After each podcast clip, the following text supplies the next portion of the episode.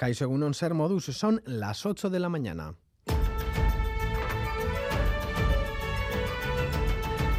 Crónica de Euskadi con Lier Puente.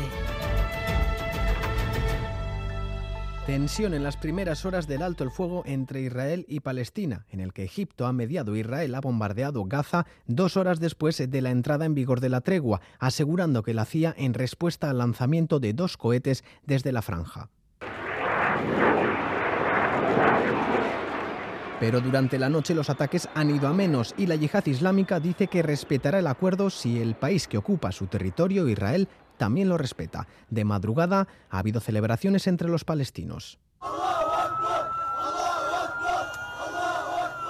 Hasta el momento, 34 gazatíes han fallecido en esta nueva oleada de violencia, justo en la víspera de la Nakba, el día en el que los palestinos recuerdan el inicio del Éxodo, cuando se fundó el Estado de Israel hace ya 75 años.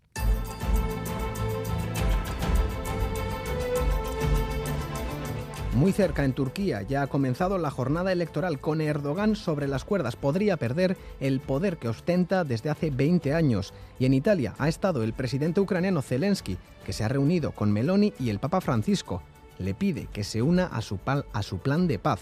Hoy viaja a Alemania. En casa, las fuertes lluvias han provocado inundaciones en varias localidades de Ipar Euskal Herria, entre ellas Sara y Sempere. La prefectura de los Pirineos Atlánticos ha declarado la alerta naranja en todo el territorio por las fuertes precipitaciones que permanecerá activa hasta el mediodía. Pese a ello, y aunque sea en formato reducido y con un solo gune, sí, se va a celebrar hoy la 40 edición del Herri Urratz Aitor Sagarzazu.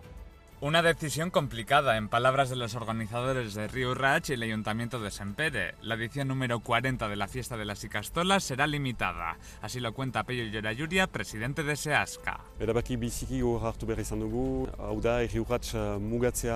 Murriztea eta aurten erriurratz tipi-tipi bat eginen dugu, ez dugu eginen berroi egin eginen erriurratz hori. Las inundaciones han dejado desperfectos y por ello empezarán al mediodía y casi toda la programación se concentrará en la zona áraba. Ahí tendrán lugar los conciertos principales. También habrá puestos en las zonas Guipúzcoa y Valle Nafarroa, no así en otras grandes como Nafarro y Lapurdi, que permanecerán cerradas. Asimismo, prevén que no obtendrán ningún beneficio, por lo que anuncian que llamarán a la solidaridad de Euskal Herria. Beste elkartasun mota batzu zabalduko ditugu ondoko egunetan, erriurratxera etorriz uh, elkartasuna jakinarazi nahi zuten horiei, beste bide batzu proposatuko dizkiegu. Los organizadores se reunirán durante la mañana por si hubiera que tomar otra decisión de última hora, en vista de la alerta llamada por lluvia.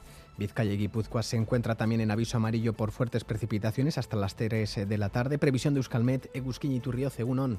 Egunon, por la mañana las lluvias volverán a ser abundantes. Esperamos chubascos frecuentes e intensos en la vertiente cantábrica, sin descartar que se produzcan tormentas y chubascos localmente fuertes. Las lluvias también llegarán a puntos de la mitad sur, pero de forma más ocasional. A lo largo de la tarde, en cambio, la situación se irá tranquilizando, con chubascos algo más esporádicos y apertura de algunos claros, sobre todo al final del día y en el sur.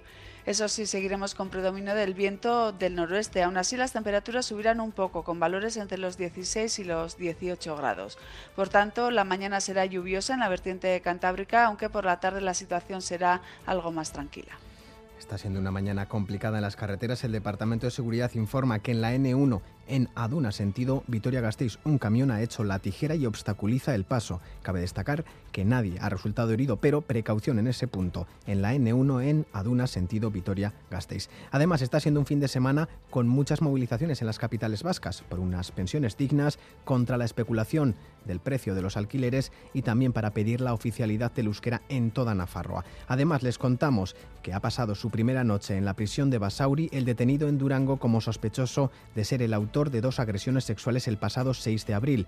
Dos mujeres denunciaron sendos ataques el mismo día en Durango, una en la vía pública y la otra en el interior de una vivienda, con tan solo una hora y media de diferencia.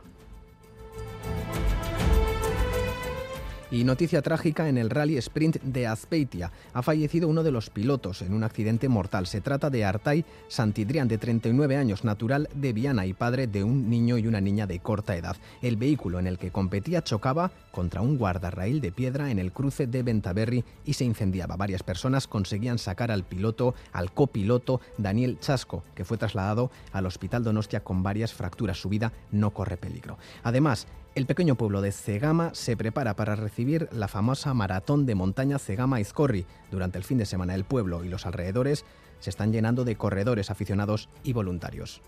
Kontutan hartu behar da, gure herria mila bosteun biztanleko herri dala eta bosteun da berrogei bolondres dauzkegula. Horrek esan edo etxe gehienetan da hola bolondres bat. El pueblo se vuelca, hay 500 voluntarios, eh, hay un ambiente increíble. Luego está el bar, el comedor, que es donde vienen a comer todos los corredores. 300 comidas, 300 cenas, ahí andará. Toda la información deportiva con John Zubieta, Egunon. Hola Egunon, empezamos hablando de fútbol. Resultados, Osasuna 3, Almería 1, goles de Budimir, Abde y Moy Gómez, Real Sociedad 2, en Girona 2, tantos de Oyarzábal de penalti y Silva, y Silva.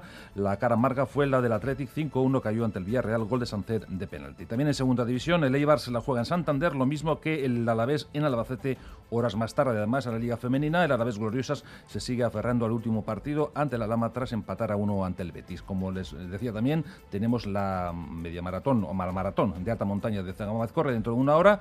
También les recuerdo que Bilbao Basket juega al mediodía ante Lucán Murcia y a las seis y media el Basconia ante el Barcelona en el Hues Arena. Además, en ciclismo, Bolerín sigue mandando la Ichulia en el Giro Triunfo de Bengeli y Rogli saca 18, 14 segundos a Benepul y en mano en mano el Veravera deberá remontar el 28-27 que sufrió ante el Elche en los playoffs. Reciban un saludo de los compañeros y compañeras de redacción que hacen posible este informativo, también de Maitane Bujedo, Jesús Malo y Joseba Urruela desde la parte técnica. Son las 8 y 6 minutos.